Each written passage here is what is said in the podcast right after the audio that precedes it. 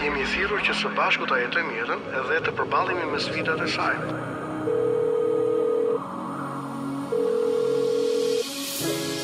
Unë jam pastor Akil Pano. Në Top Albania Radio vjen një program i folur për njeriun, familjen, shoqërinë. Është dita e tetë. Drejt shërimit dhe shpresës. Për ju që ndiheni vetëm dhe të izoluar. Nuk jeni vetëm.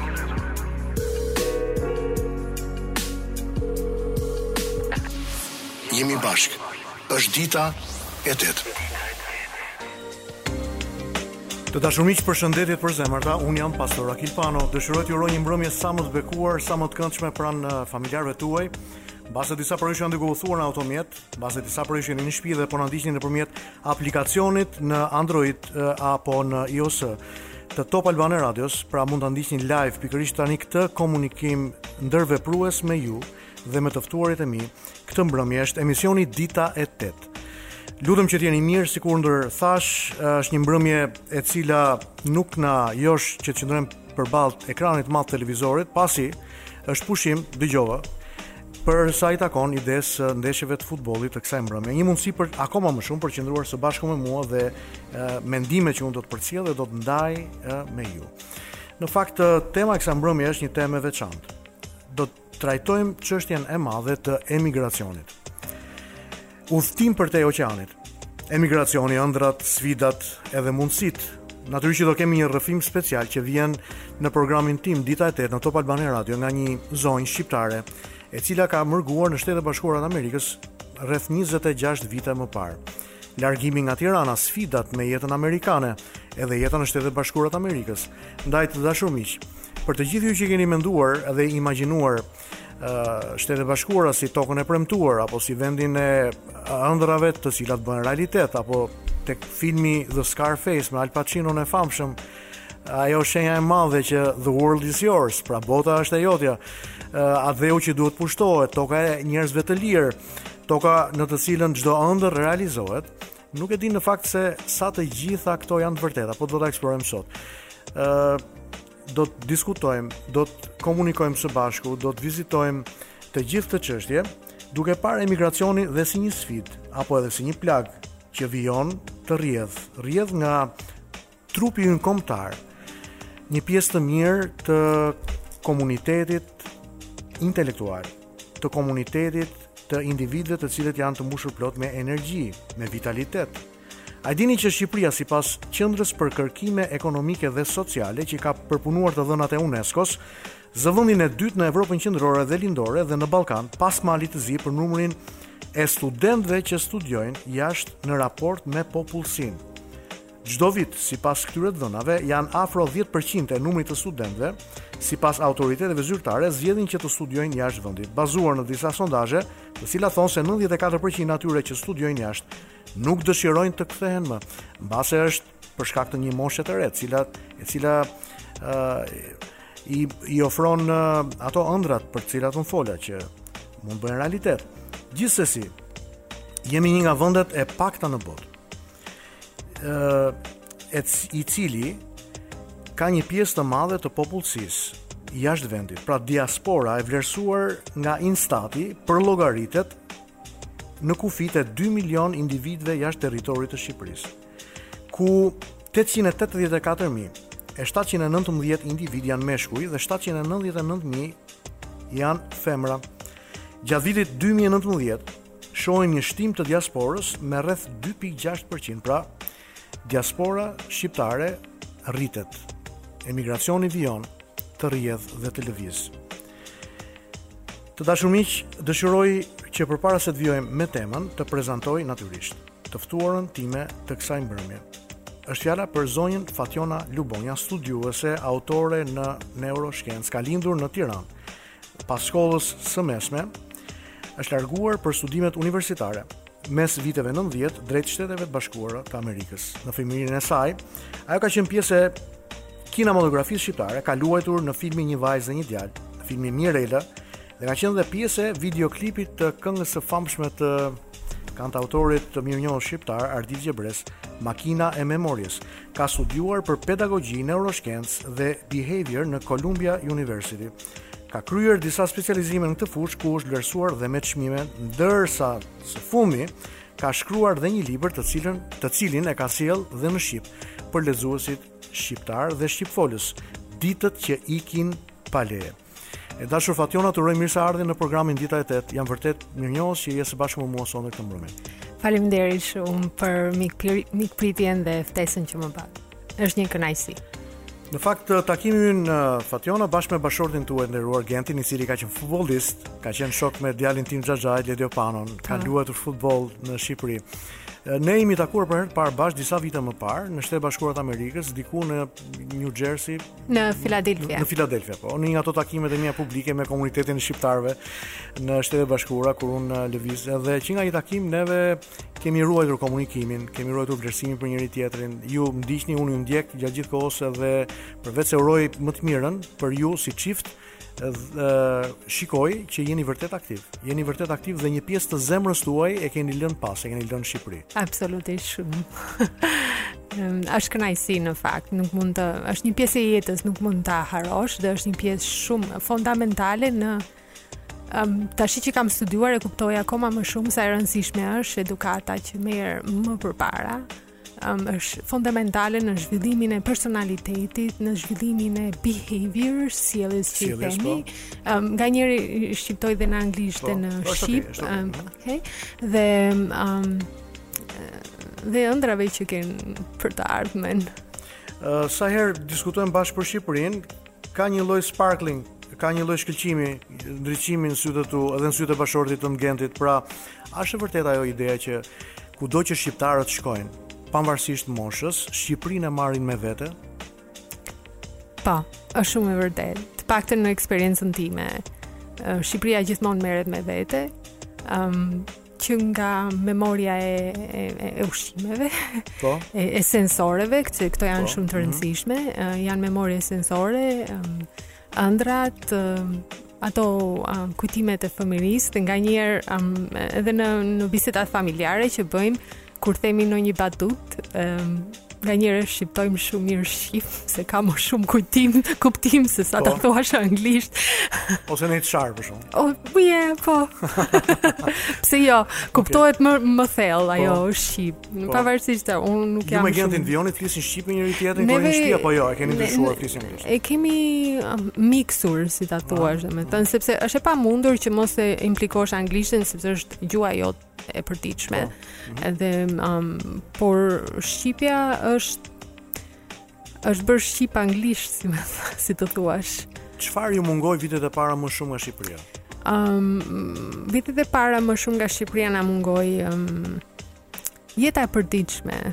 Domethënë ajo dalja pa ndonjë agjendë të, të përcaktuar. Po, pa ndonjë po. përcaktim, domethënë, qetësia në një farë mënyrë. Shikon, rreth viteve 95 kur jemi larguar nga Shqipëria drejt Shteteve të Bashkuara të Amerikës, agjenda s'ka qenë aktive. Jo. Uh, dita jonë ka qenë pothuajse pa agjendë. Pra takoheshim me po. njërin dhe thonim, a je për kafe, ulemi po. në kafe, bëjmë çik Edhe pa orare. Edhe pa orare. Unë kam ke orare. Edhe edhe miqtë shfaqeshin ke dera e shtëpisë, i binin derës edhe pa lënë takim, vinim, vizitoheshim, vizitonim njëri tjetrin, kalonim kohë. Po. Po aktualisht Shqipëria ajo jeta sociale në në community, në community mm. që thot, um, në Amerikë kjo mungon, edhe po. akoma mungon, sepse po. është një vend i madh, po. you know, community mungon. A Shqipëria nuk është si Amerika, pra në këtë dimension, por nuk është ajo Shqipëri që ju kujtoni, pra ajo Shqipëri ja. që ju mbani mend nga viti ja. 95, pasi shumë njerëz sot Aktualisht e orientojnë ditën përmes një agjende, e orientojnë ditën përmes takimeve. Ka njerëz të cilët bëjnë dy punë, veçanërisht në metropole dhe në qytete të mëdha. Ë sa e vështirë ka qenë për ju largimi? Po, largimi është në përgjithësi i vështirë sepse ka ato um, pikpytjet e veta gjithmonë, domethënë, çfarë do ndodhi, ne ishim të dy me karrierë, të dy me sukses. Po. Dhe e lamë mbrapa dhe vendosëm që të të zhvillojmë një diçka tjetër, ëm um, në, në në një mënyrë të ndryshosh vetveten. Dhe kjo është shumë po. fundamentale. Mhm. Ëm um, vjen vjen edhe në mënyrë natyrale, spontane, uh, duke u bazuar në çfarë të ofron vendi, Shtetet e Bashkuara të Amerikës, është një vend shumë i madh, ofron shumë, por edhe Merr shumë në të njëjtën kohë energji. Edhe unë këtu, edhe unë këtu pikërisht dua të ndalem, por përpara se të vijojmë më tej, pra çfarë i ofroi Shtetet e Bashkuara të Amerikës, Gentit dhe Fationa Lubonjës dhe çfarë mori prej jush? Por përpara se të vijojmë bisedën, do të bëjmë një ndërprerje të shkurtër, do të kemi një këngë dhe menjëherë më pas, ë menjëherë më pas, pas publicitetit do të vijojmë bisedën. Faleminderit. Përmes kësaj kënge të Michael Bublé të dashur miq, zgjojmë kujtimet për shtëpinë. Kujtimet për aromat, kujtimet për ndjesitë, sentimentin njerëzor, për miqtë e vjetër. E dashur Fationa, ju jetoni në Amerikë prej 26 vjetësh bashkë me bashkëshortin tuaj. Tani, sa më shumë kohë kalon, kujtimet më shumë zbehen, pra kujtimet për tokën mëmë, për Shqipërinë, apo kujtimet mbeten po ato? Well, si Fationa, unë edhe si studiuse në neuroshkencë, po. mund të them plotësisht kuptimet nuk zbehen, sidomos ato të fëmijërisë, është e pamundur, vetëm qoftë se mm. ndodh ndonjë diçka fizikisht në tru. Po. Um, kujtimet janë aty, biles bëhen më romantike. Oh. Interesante. Pra, po. ju kujtoni historinë tuaj të dashurisë me Gentin, kur jeni takuar, kur jeni njohur që në fillim këtu në, po, në Tiranë. Po. Edhe është e çuditshme se sa herë që shpjegohet, po. Po. se na pyesin në Amerikë, sa shpjegohet, shtohet nga një shtohet nga një element. Okej. Okay. Okej. Okay. Është është më gjithmonë interesante, por kujtimet e para gjithmonë bëhen më të Po mirë, kjo është për shkak se mungon, pra mungon ajo pjesë e e shtëpisë, mungon ajo pjesë e ngrohtë, mungon ajo pjesë e sigurisë që lidhet me ato shtresat e pavetëdijes njerëzore. Jo. Pra çfarë po janë vetëm eksperienca, eksperienca. Çdo eksperiencë ka elementin e mendimit. Është dhe dhe çdo eksperiencë ka kohën e vet, duhet flitur në të flitet në në në kohën që është bërë. Për shembull në Amerikë ne kemi e, eksperienca të tjera, okay, kemi po. ndërtuar um, me një në ëndrra të tjera që nuk i kishim menduar në Shqipëri, të paktën unë, domethënë unë kam bërë kinematografinë, kam bërë tjetër, you know, këtu në Shqipëri. Ke po, po. suksese të tjera, artin, ndërsa në Amerikë komplet kam studiuese në pedagogji, neuroshkencë, behavior, domethënë është komplet shkencë. E megjithatë, duket sikur shkenca nuk e komplementon, nuk e plotëson atë dimension të qenies që lidhet me kujtimet, lidhet me dashurinë, lidhet me momentet e ndërtimit të qenies, pra ndërtimit që lidhet me me etapat e moshës, me etapat e, e ndërtimit të jetës nga vendi ku ku ju keni jetuar. Pyetja është kjo. Pavarësisht jetës aktuale që ju bëni në Shtetet e Bashkuara të Amerikës, pavarësisht faktit që jeta është e zënë, shumë e zënë në Amerikë, me sa unë di. Po. Kujtimet prap duket sikur trokasin tek shtresat e pavetëdijes. Trokimet, kujtimet vijojnë dhe trokasin në imagjinatën tonë. Dhe Ju kujtoni elementet dhe momentet më të mira që keni marrë me vete nga Shqipëria apo edhe ato momente të vështira, pasi për për të qenë korrekt me historinë. Deri në vitin 95, Shqipëria ka pas uh, shumë uh, gjëra të mira, por ka pas edhe vështirësi, pa masë, pa po. fund. Ka qenë fillimi, domethënë. Ëm um, Çfarë ju mungon ju nga nga Shqipëria pra në kujtimet tuaja, kur ndërkohë që vijoni udhëtimin tuaj në Shtetet e Bashkuara prej 26 vitesh? Unë un, të dyve nuk mund të flas dot për të dy sepse po. secili mund të ketë kujtime të ndryshme. Për mua kujtimet janë Well, e folura gjuhës shqipe, një kompliment në shqip. Po, oke, okay, oke. Okay. Gjuha shqipe më mungon, domethënë me kuptimin e folura në, në shoqëri, në përgjithësi, domethënë, um, um, edhe Disa ushqime. Si për shembull, djathi i bardhë. Byreku. Byreku. Ose um, ato shijet e e domates ose të ah. kastravecit, gjëra okay, shumë elementare, okay. sepse këto po. janë faktikisht këto janë memorie. të gjitha, domethënë, dhe këto janë memorie. Pra nuk ka të bëjë shumë me ushqimin sesa me ndjesitë me ndjesitë që, që më japin mua. Ushqime për cilin lidhur me të kaluara. Po, për shembull, unë isha në jug për disa dit, po. edhe zonja e shpis pasi më mori vesh kush isha, domethënë, edhe më tha ça dëshiron, më tha mua. se më po ftuan më ftuan po më ftuan në restorant e thashë nuk kam dëshirë domethënë çfarë dëshiron tha ajo po, zonja e po. shtëpisë që është shumë shumë grua e zonj edhe i thashë më bën ca petulla edhe ajo u habit tha dhe më ka bërë ca petulla nuk ishte ke petulla sepse unë po. nuk i ha domethënë po ishte shija që më dhanë ato ishte sikur më kujtua Shpia. Shpia. Po, po. Pra, herë-herës unë e përmend të përpara komunikimit tim publik me njerëzit. Në fakt, kur jemi jashtë, edhe kur unë ikë jashtë me Lindën me bashkëshorten time që po na ndjek këtu tek pas pas dritares së madhe të xhamit dhe po na përshëndet tani. Ë, çfarë na mungon neve? Në fakt, aty më herë neve mendojmë se na mungon djathi i bardhë. Na mungon vaji i ullirit, na mungon sallata me domate, me qepë, me kastravec. Aty e ka, se gjithë prodhimet shqiptare kanë ardhur në Amerikë. Po ajo buka, buka E mirë, buka e bërë në shtëpi ose buka e furrës. Na mungon kafja e, e bërë në shtëpi aroma e kafes. Po të gjitha këto në fakt nuk janë thjesht ushqime që ne na mungojnë, por me këto ushqime ne lidhim sentimentin, lidhim emocionin, lidhim aromën, edhe me aromën dhe me këto sentimente dhe emocione ne lidhim ndjenjën e ndjenjën e sigurisë, lidhim lidhim shtëpinë. lidhim po. me familjen. Unë në një shkrim që kam bërë, e kam shkruajtur aty dhe dikush më bëri pyetjen në libër, kam shkruajtur që ky qytet, dhe flas për Tiranën, po. njerëzit që vijnë, domethënë në Tiranë çfarë ndjejnë. Edhe ky qytet them më është diçka shumë interesante se më më jep um, aromën e qumështit të djegur dhe të gjithë kanë qeshur, të gjithë kanë qeshur si pse ke po. shkruajt qumështit se mua më kujtohet që kur po. kam qenë shumë e vogël po, po. që digjej qumështi ke po. komshiu ose në shtëpi ose në ose në kopësht ose në shkop nuk e di por që në thelb por në thelb për qumështin e nënës kupton njeriu kërkon shpin shpin ne dëgjuam dhe kënga që dëgjuam më parë let me go home kupton gjithë edhe amerikanët edhe ai e këndoi para nesh let me go home mm. Më lejo të shkoj në shtëpi. A si ndihesh tani? Ndihesh që shtëpia jote është në Amerikë aty ku është bashkëshorti, ku është Genti? Ai është shtëpia jote, pra ai është your home apo shtëpia është një pjesë e shtëpisë është këtu? Te kujtimet jo, e fëmijërisë.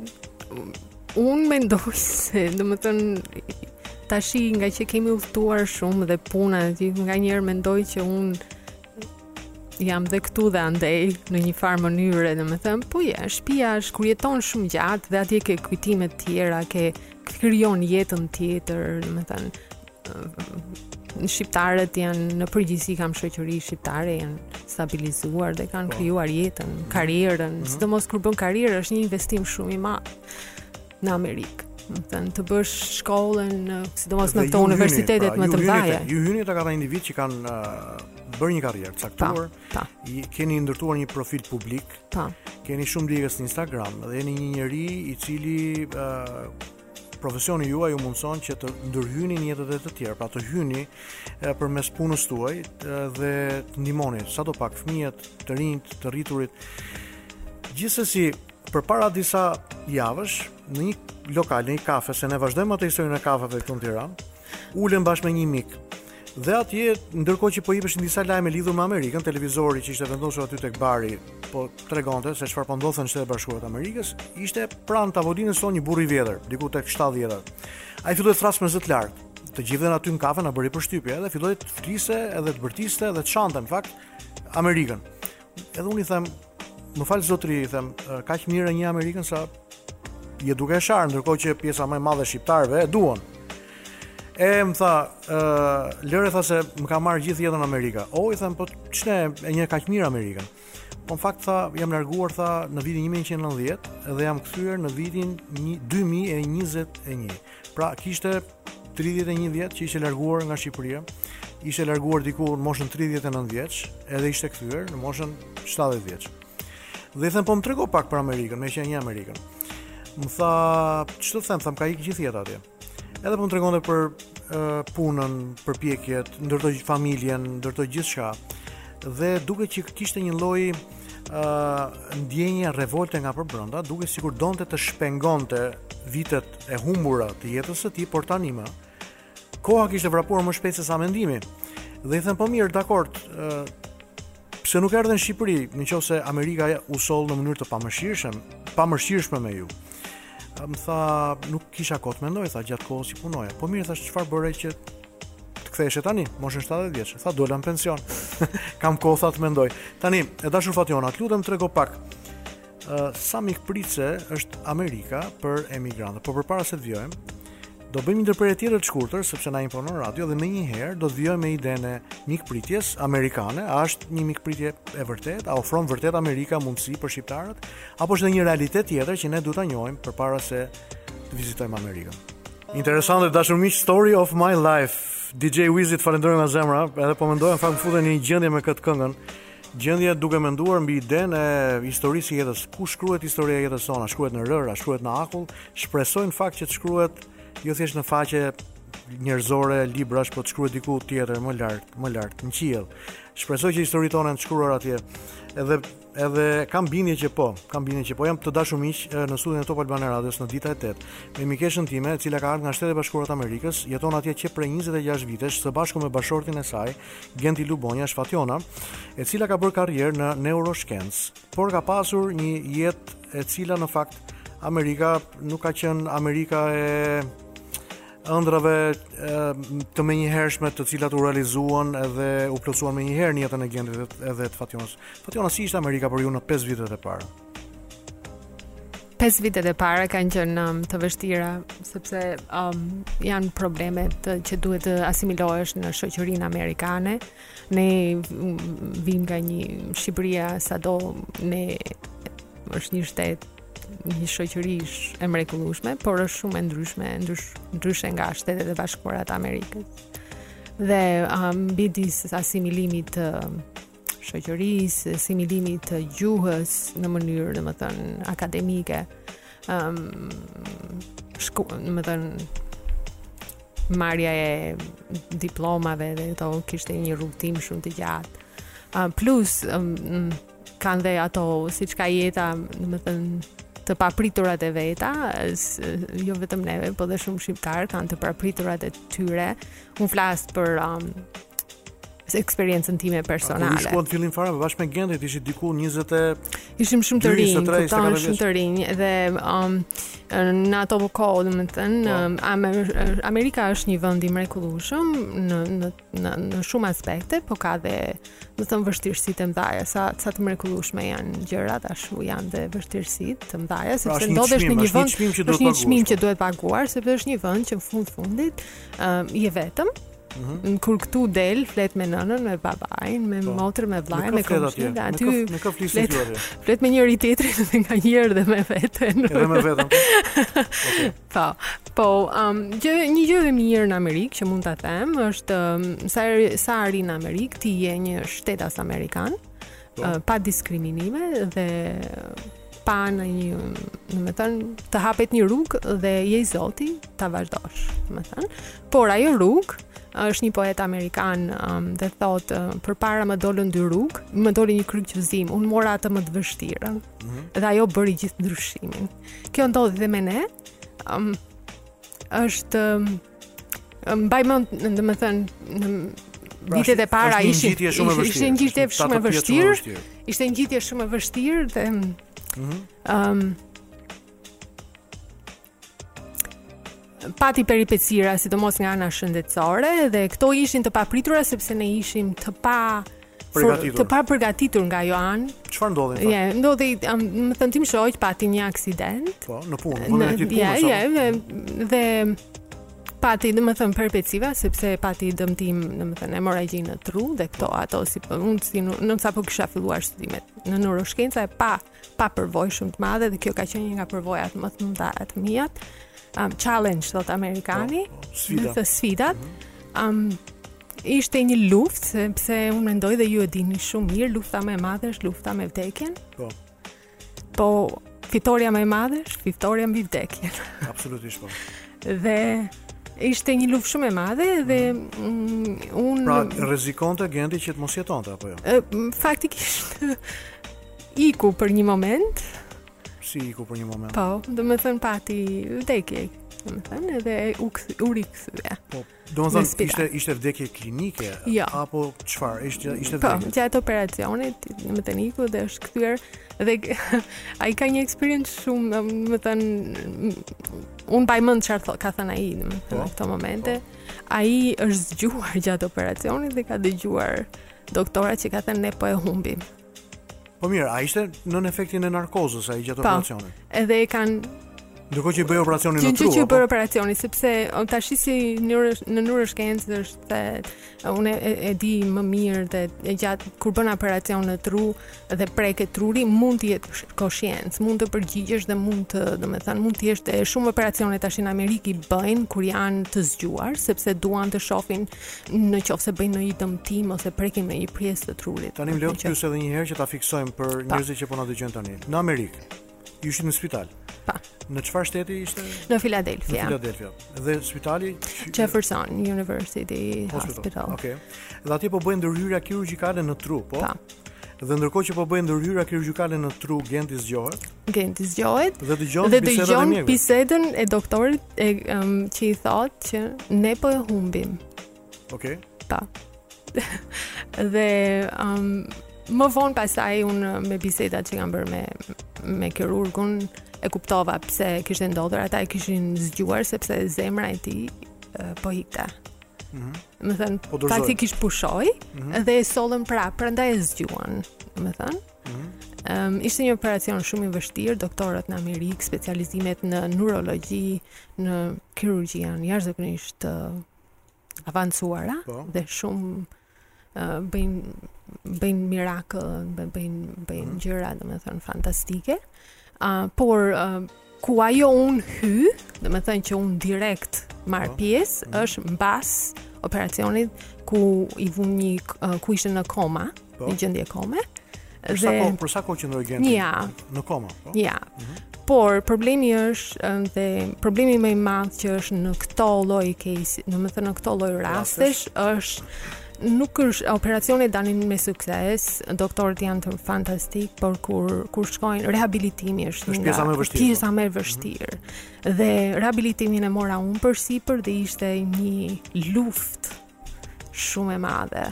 Luftë shumë e madhe sepse duhet fillojë nga e para. Që do të thotë, si një i vogël apo? Po.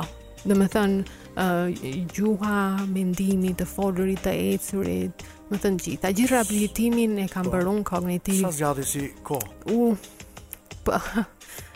Një vit, dy vit, dy vite. Po. Është një rrugë shumë e gjatë, por fitorja është jashtëzakonisht e madhe. Kur unë takova Gentin përpara disa vitesh në Filadelfia, Genti ishte he's a big guy, pra. Pa. Po. Stërvitet mm, bën triathlon. Nuk e kupton. Nuk e di a bën më triathlon apo jo?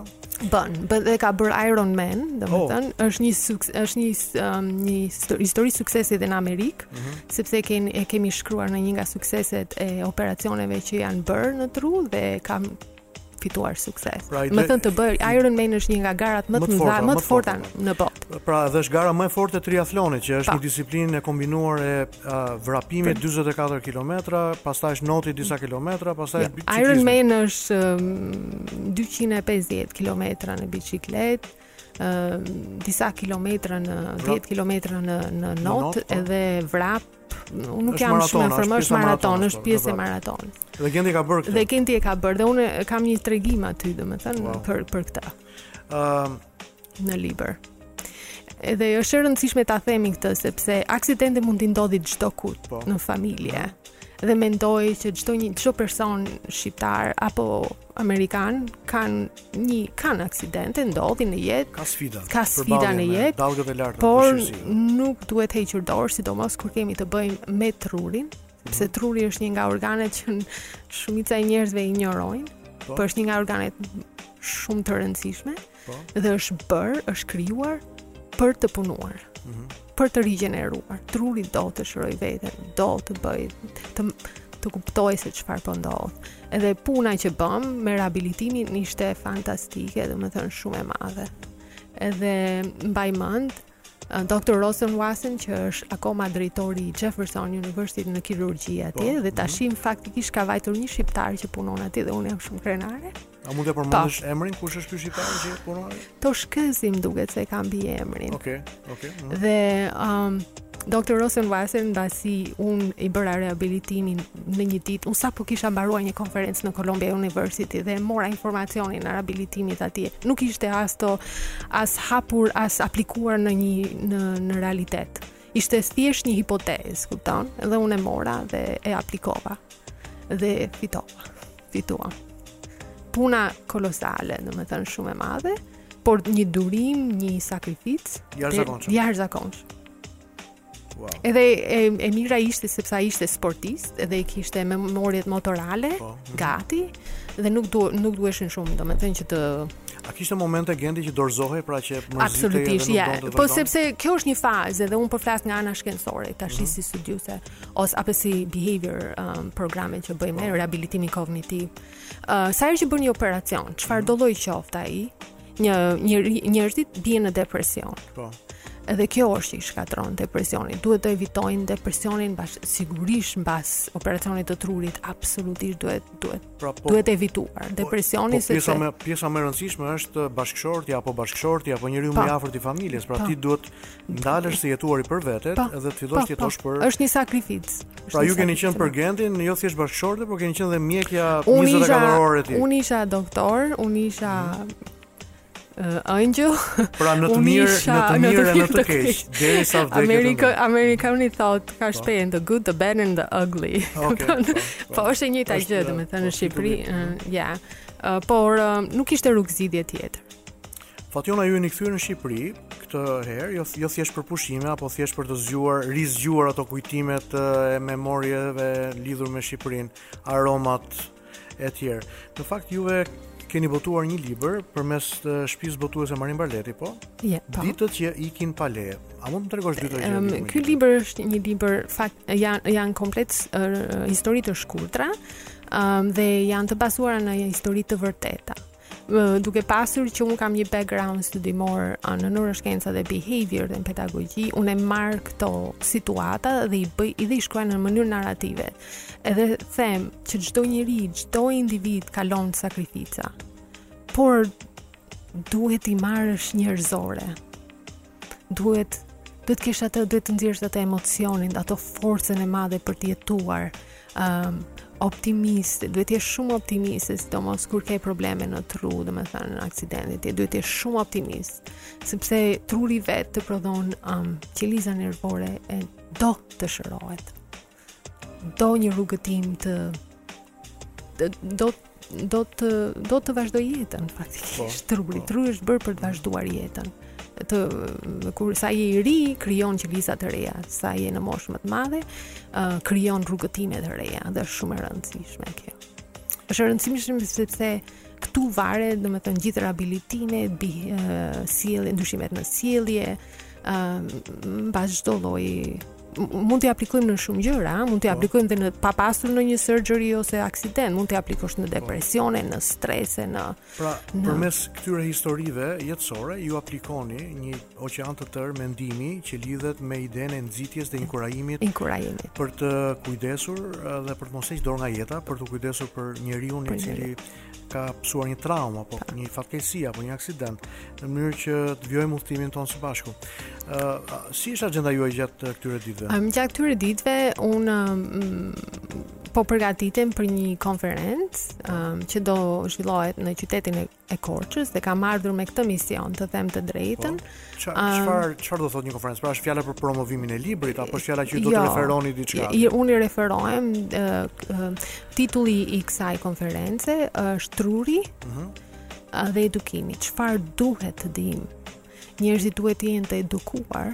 Po. Për sa i përket organit të trurit sepse janë familjarët që do i bëjnë ndryshimin atyre njerëzve mm -hmm. në familje. Janë vetë njerëzit që duhet të bëjnë atë luftë kundra kundra çdo sakrifike. Pra misioni, misioni juaj në një farë mënyre, mund të themi me plot gojën që është për të forcuar, për t'ju ardhur në ndihmë qytetarëve shqiptarë, të cilët mund të përballen me sfidat e jetës në këtë dimension, pra.